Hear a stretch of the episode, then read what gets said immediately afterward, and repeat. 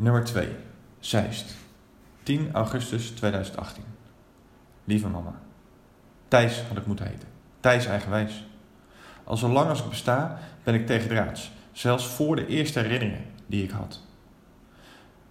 Zelf had, bedoel ik dan. Want mijn eerste herinneringen kreeg ik van jou. Op verjaardagen of tijdens visites. Waar je vertelde over mij. Zodra ik iets deed waar de herinneringen een uitleg gaven aan mijn gedrag op dat moment. Zo was hij vroeger al, vertelde je dan geruststellend. In de wandelwagen keek hij altijd al over het randje. Of hij schopte zijn schoen uit. Zo, hops, in het water.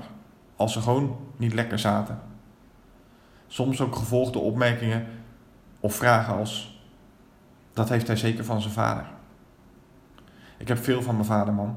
Het meest opvallend waarschijnlijk mijn neus. Een neus die ik mijn leven lang al buiten de deur steek. Over het randje van de wieg.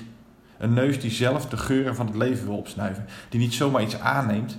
Een neus die ik zo vaak heb gestoten tegen muren waar jij je hart voor vasthield, mama. Vasthield, mama. Op school, in dienst, Afghanistan of aan de liefde.